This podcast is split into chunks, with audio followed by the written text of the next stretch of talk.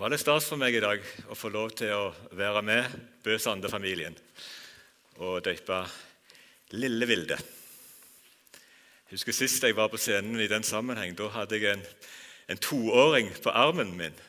Min yngste sønn. Det er nå skal vi se, Han er elleve nå. Han, det har vært ni år siden.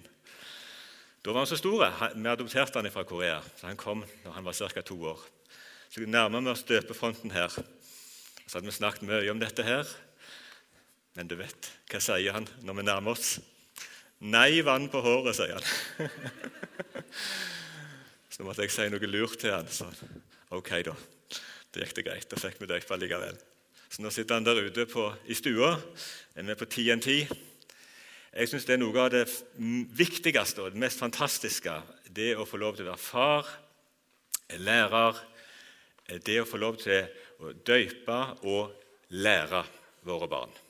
Jeg jobber på en kristen friskole i Stavanger som heter Stavanger kristne grunnskole. Eh, får være med der òg. Lære dem på dagtid.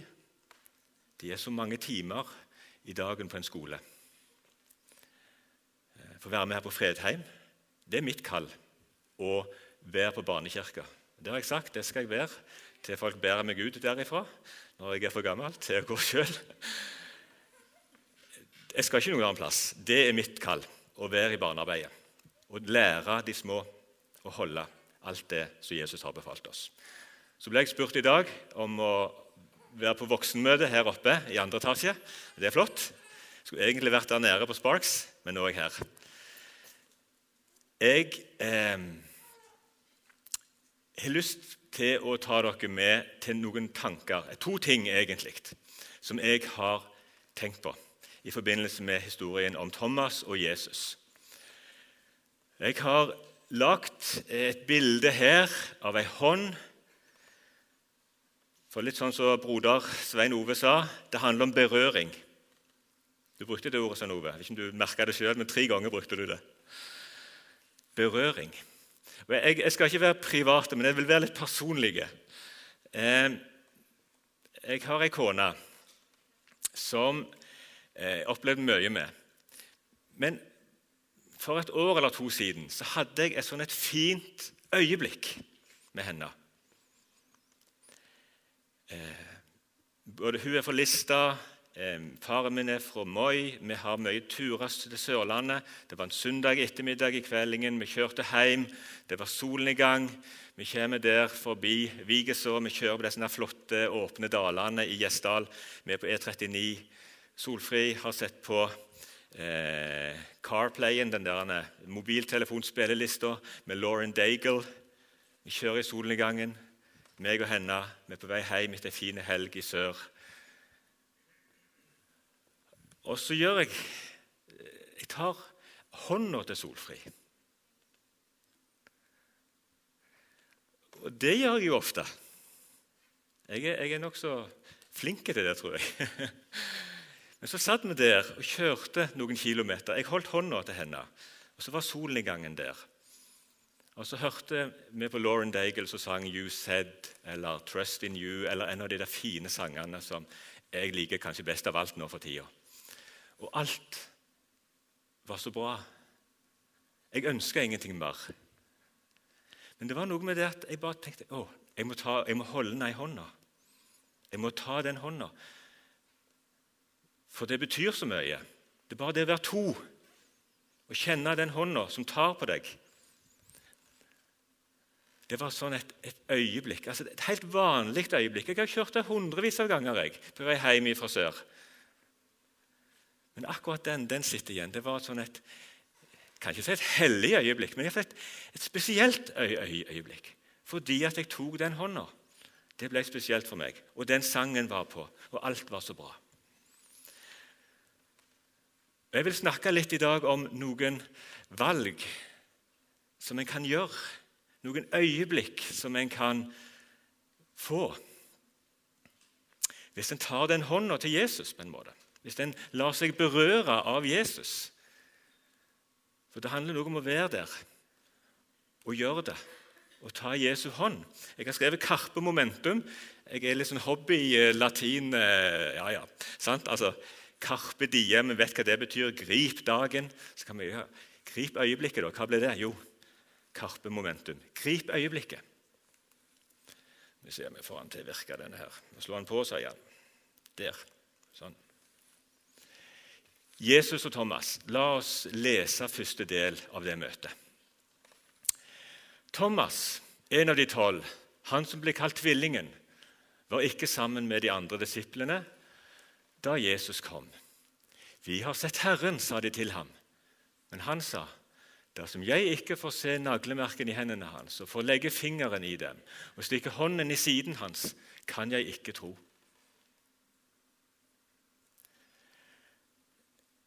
Av og til så har vi det kanskje litt sånn med òg at Og de andre fikk være der. De andre har opplevd øyeblikket. De var kanskje på et møte, eller Jeg kjenner et annet ektepar. De har det så fint. Og så er det kanskje ikke helt sånn i mitt liv. Kanskje Thomas opplevde litt det samme.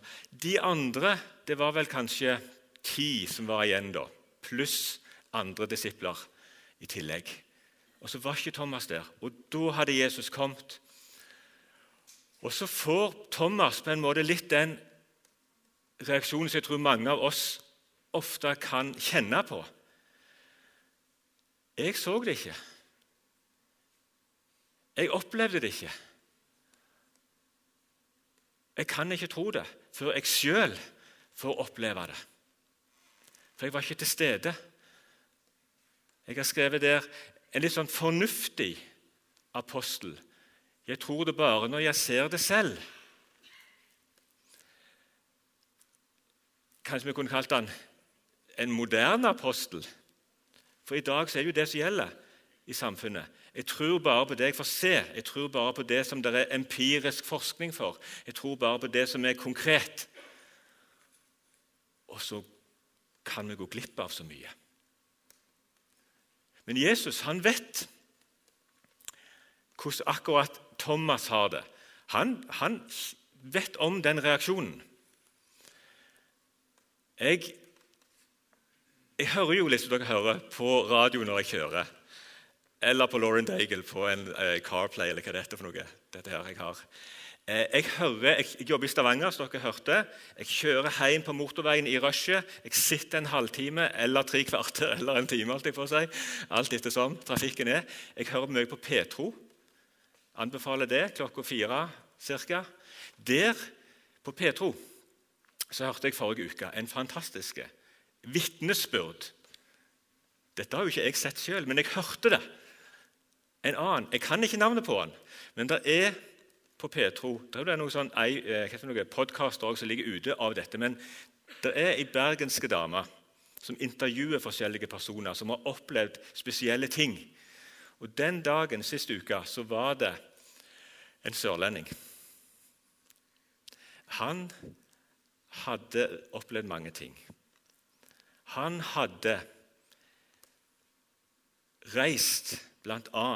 til Bangladesh og Kanskje noen her har hørt den samme eh, sendingen som meg. Helt utrolige. Han fortalte mye annet, altså, men akkurat der Han fortalte Jeg var i Bangladesh, vi var ei gruppe der.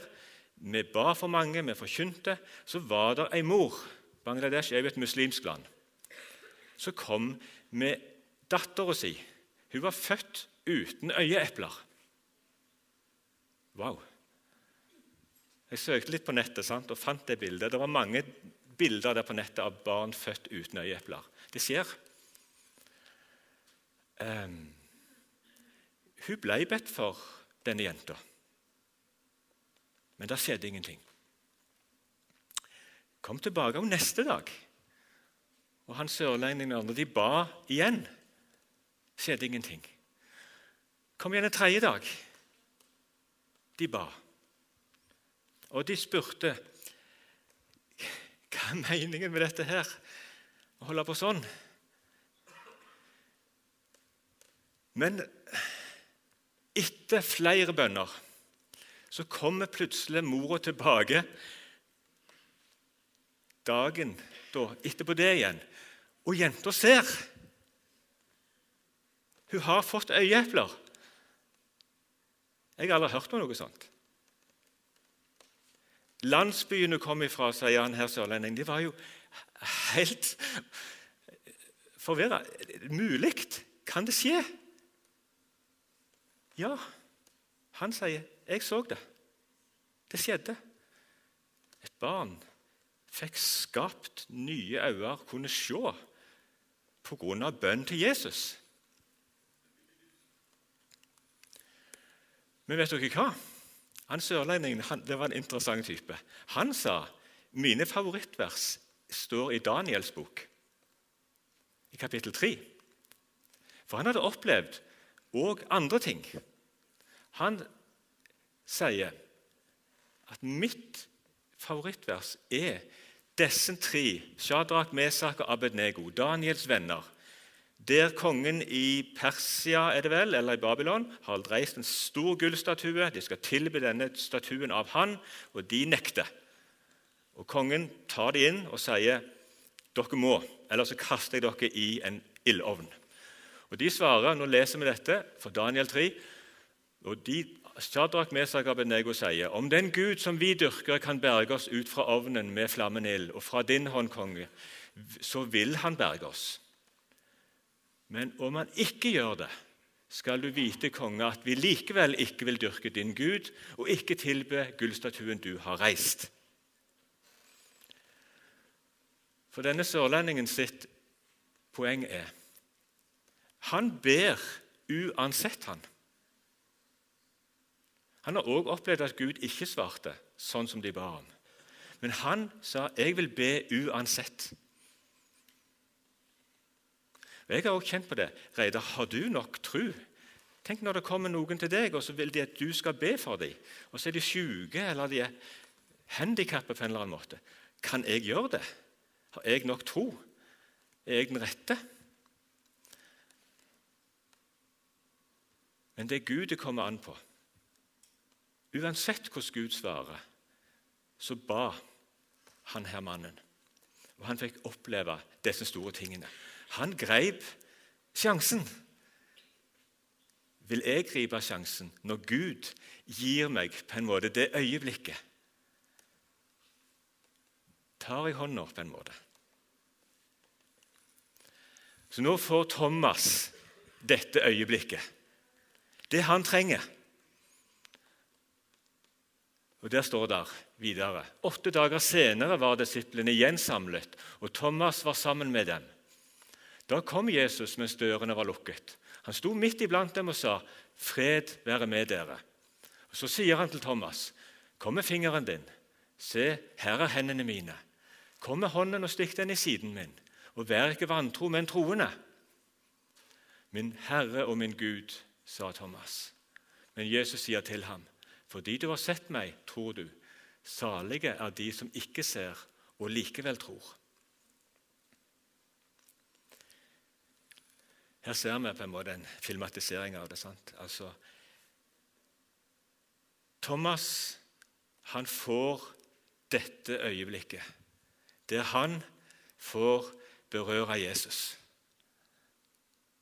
Der han får akkurat det han trenger. Jesus som kan tas på, en Jesus som er der. Han ser Thomas, og Thomas får akkurat det han trenger for å bli den apostelen han ble. En apostel som ofra livet for det han hadde sett og hørt og tatt på. Han reiste Noen tradisjoner sier at han ofra livet i India. Andre sier han endte livet en annen plass. Men han ble et vitne om et møte med Jesus som han aldri kunne gå tilbake på. Han ble et øyenvitne, slik som jeg òg kan bli i dag, hvis når vi ser Guds store under som kan skje i våre liv. Men her er det Jesus. En helt virkelig Jesus. Og nå er jeg på en måte litt der. Jesus han er altså den samme i dag. En helt virkelig Jesus som er sånn som han var òg når han møtte Jesus. for Jesus lever i dag. Han har altså en helt virkelig kropp. En kropp du kan ta på, selv om den var død. Så er den blitt levende. Han har, sier Jesus, helt virkelige sår. Naglemerkene og spydstikket er der i dag. Samtidig så er han himmelsk Jesus. For det var ikke alle som så Jesus, som kjente han igjen med en gang. Vi husker Martha, nei, Maria mener jeg, med graven. Hun kjente ikke igjen det hun trodde var gartneren først. Vi husker Emmaus-vandrerne. De gikk en stund før de kjente igjen Jesus. Men plutselig så de at det var han. For Jesus hadde fått en ny type kropp, en, en, en ny type eksistens, en ny type glans, skal vi senere se.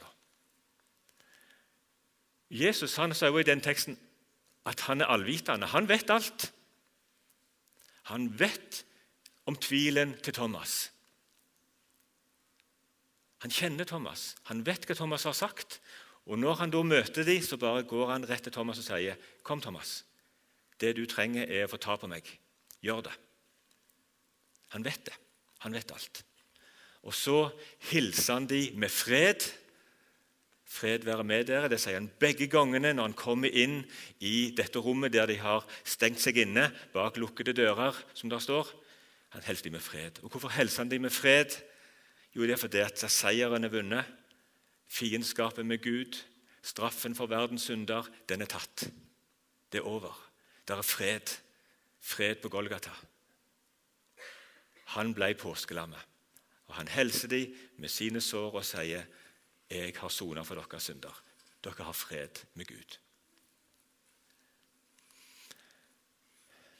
Det andre poenget mitt i dag, utenom dette her med det øyeblikket der du på en måte blir, får berøre Jesus, får ta hånda hans Det er det som er så fascinerende med akkurat denne teksten. For den viser noe som angår deg og meg direkte. Jeg ble båren til Jesus eh, av min mor og min tante og min mormor i Timekirka oppe før Bryne. Eh, så ble jeg døypt der og ble et Jesus sitt barn. Og så Jeg var mye som mormor. Hun bodde på Tananger. Hun satt alltid i sofaen Eh, med sånn en frakk jeg synes dere husker sånn Eldre damene for noen år siden de gikk med sånn forklefrakk sånn, så de ikke skulle søle på seg og ta vare på klærne. og alt det der. Så hadde du filttøfler på beina, og så hadde du en grønn bibel på uh, teakstuebordet. Og så var det et bilde av Odd Dubland på veggen bak. Og eh, Litt sånn klassisk sant? bedehus. Eh, mormor. Eh, jeg bodde hos henne et år når jeg studerte i Stavanger. husker jeg. Hun lagde kjøttkaker med rødbeter til meg hver dag. Fantastisk. Jeg bodde hos mormor. Og Så ble mormor dårlig. Hun ble 84 år. Eh, mor og far var på sommerferie. Jeg var på vakt. Jeg jobbet i Securitas. Jeg satt på BP-bygget, det Telenor-bygget der, med den pyramiden midt der på Forus. Og Så ringte de og sa at nå er de mormor blitt dårlig. Eller om det var min mor som ringte og sa at nå er mor dårlig kan du reise. Hun lå på Sola sykehjem der, midt i Solakrossen. Og jeg reiste. Mormor lå og pusta. Hun var bevisstløs, og så stoppet pusten. Og så var det bare meg som satt der akkurat når mormor døde. Det var bare meg. Jeg har aldri vært sånn. Bare meg. Og Så tenkte jeg etterpå um, Hun fikk bære meg til livet. Og så fikk jeg være med i den neste overgangen, når hun gikk inn til et nytt liv. ikke det fint? Ja. Og Det står noen vers i 1. Korinterbrev 15 som er veldig tydelige på dette. At, at den måten Jesus ble forvandla på når han fikk en ny kropp, en ny glans, en ny Jesus, som, som var virkelig, som var fysisk, men likevel annerledes, det gjelder deg og meg òg. Det samme skal skje med oss. For det står i 1. kor 15.: Men nå er jo Kristus stått opp fra de døde, som førstegrøden av dem som er sovnet inn. Fordi døden kom ved et menneske, er også de dødes oppstandelse kommet ved ett menneske. For slik alle dør på grunn av Adam, skal alle få liv ved Kristus, men hver i sin tur. Kristus er førstegrøden. Deretter, ved hans gjenkomst, følger de som hører Kristus til. Ja. Og jeg, jeg venter veldig på den dagen når Jesus kommer igjen. Um, og det gjør dere òg. Altså, jeg har en sånn forventning. Jeg heter Reidar på, på, R. Mannen til mormor han heter Rasmus på R. Jeg er liksom oppkalt litt etter han da. Men jeg traff aldri han. Han døde på torget i Stavanger med en potetsekk. Han fikk hjerteinfarkt når han skulle springe og ta bussen hjem til Tananger. Og døde i busstrappa. Én måned før jeg ble født. I august 1967 døde han. Men jeg har hørt et lydopptak der morfar leser Salme 103. Så jeg har hørt stemmen hans. Men jeg gleder meg sånn til å treffe han igjen. Og Han skal være sikkert helt annerledes på en måte enn han var. Det er ikke sikkert at det blir sånn liksom at 'Hei, jeg heter Rasmus, jeg er morfar din.' sant? Det er sikkert ikke sånn det blir. Men allikevel vi skal òg forvandles. For det står Og det finnes himmelske kropper og jordiske kropper. De himmelske har én glans, de jordiske en annen. En glans har solen, en annen har månen, og en annen igjen har stjernene. Ja, en stjerne skiller seg fra en annen i glans. Slik er det også med de dødes oppstandelse. Det blir sådd i forgjengelighet, det står opp i uforgjengelighet. Det ble sådd i vanære, det står opp i herlig glans. Det ble sådd i svakhet, det står opp i kraft. Det ble sådd i en kropp som hadde sjel, det står opp en åndelig kropp. Så Jesus hadde en åndelig kropp. Det var ånden hans som forma denne kroppen. Du og meg, vi skal også få en kropp som er himmelsk. Den hellige ånd som bor i oss, skal gi oss en ny kropp i oppstandelsen. Den skal ha en annen glans enn det som vår kropp har i dag. Den skal være uten synd, den skal være uten mein og svakhet og sykdom. Den skal være himmelsk. Så er det det øyeblikket, da. Jeg begynte litt med det. sant? Tenk det. Det øyeblikket. Nå, nå forteller Paulus om det her. Se, jeg sier dere en hemmelighet. Vi skal ikke alle sovne inn, men vi skal alle forvandles. Brått, på et øyeblikk, ved det siste basunstøt. For basunen skal lyde, de døde skal stå opp i uforgjengelighet, og vi skal bli forvandlet. Tenk det. Så av og til Jeg er mye ute. Jeg har en annen gutt her oppe i salen i dag. Han sier du, pappa, du er alltid ute. Når jeg kommer hjem, så er du ute. Jeg liker å være ute. Eh, og Av og til når jeg er ute, så ser jeg opp på skyene. Og jeg vet at en dag så kommer Jesus igjen i skyene, slik som han reiste herifra på Kristi himmelfartsdag for 2000 år siden. Det var ei sky som tok han bort. På den samme måten skal Jesus komme igjen. Han skal stige ned i Israel, på Oljeberget, slik som han reiste herifra. Men det står at alle i hele verden skal kunne se dette. Hvordan skal det skje? Jo, vi har jo Internett. Vi har jo TV. Jeg ser for meg, jeg leste ei bok eh, i påsken om Jesu gjenkomst, og der sa forfatteren jeg tror det kommer til å bli TV-overført. Hele verden kommer til å se dette. Og da, hvis jeg lever, så skal min kropp bli forvandla, sier Paulus. Sånn, i et øyeblikk. Øyeblikket med Jesus. Hvis jeg er død, så skal det skje ved at min kropp blir samla sammen igjen. Og Nå skal ikke jeg tale mye lenger, men jeg, jeg synes det er fascinerende å tenke dette er helt konkret. Tror jeg det? At det er morfar sin kropp, Rasmus Kolnes, som har ligget nå i ei grav utenfor Tananger-kirka Skal hans kropp gjenoppstå fysisk? Så sa Isaac Newton av alle noe om dette. Og det er jo ikke noen hvem som helst.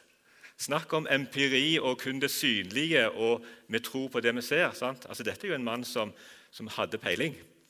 Han sier, og Nå kan vi prøve å oversette dette sånn på engelsk. Dette er jo sagt for 300-400 år siden, men han har et veldig godt bilde. En gang eh, sa den berømte vitenskapsmannen Newton Hvordan er det mulig Nei, sa Han ble spurt, sånn var det. Hvordan er det mulig at de døde kroppene, som for lengst har blitt oppløst, kan komme i sammen igjen eh, og bli boliger for deres egen sjel. Istedenfor å svare på dette kastet eh, han noen små jernpartikler på bakken og spurte så eh, de som hadde spurt ham, eller tilhørende. Hvem kan skille disse jernpartiklene fra støvet og putte dem sammen igjen? Han fikk ikke, ikke noe svar. Da tok Newton en magnet og brakte det nærmere til de spredte jernpartiklene. Da ble en bevegelse i partiklene. De små partiklene startet å eh, ja, hva heter det, feste seg til magneten, én etter én. Det var ikke igjen et eneste jernmolekyl i støvet. Så sa Newton til folkene til stede Ville ikke den ene som ga slik makt til dødt metall, også kunne gi våre sjeler kraften for å returnere til sine egne kropper?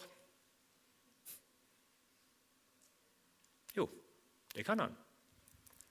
Det skjer jo òg i dag, sånn som forteller om den lille jenta uten øyeepler.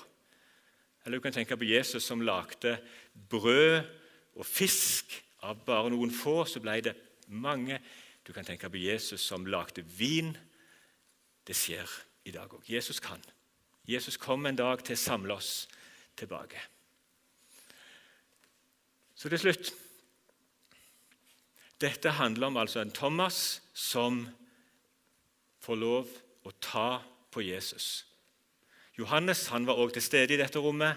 Han skriver, Når han skal skrive sitt første brev i Johannes første brev, kapittel 1, vers 1, så sier han det som var fra begynnelsen, det vi har hørt, det vi har sett med egne øyne, det vi så, og som hendene våre tok på, det forkynner vi livets ord. Han forkynner om det han vet, det han har sett, det han har tatt på, det han har sagt. Så står på en måte Jesus her med sine naglemerka hender, og så sier han til deg, 'Her er jeg'. Jeg satt på siden av kona mi i den bilen. sant? Jeg tok hånda hennes fordi at jeg tenkte å, jeg ble minnet om det. Jesus han er her. Kanskje dette er et sånt øyeblikk for deg, der Jesus vil berøre deg. Kanskje dette er et sånt et øyeblikk som du vil huske resten av livet, sånn som Thomas fikk den gangen med Jesus. Grip øyeblikket. Du vet sjøl på hvilken måte Jesus kanskje minner deg om dette øyeblikket. Nå fikk ikke Vilde kommer ikke til å huske dette sjøl, det hun fikk oppleve i dag. Men slike øyeblikk er der jo.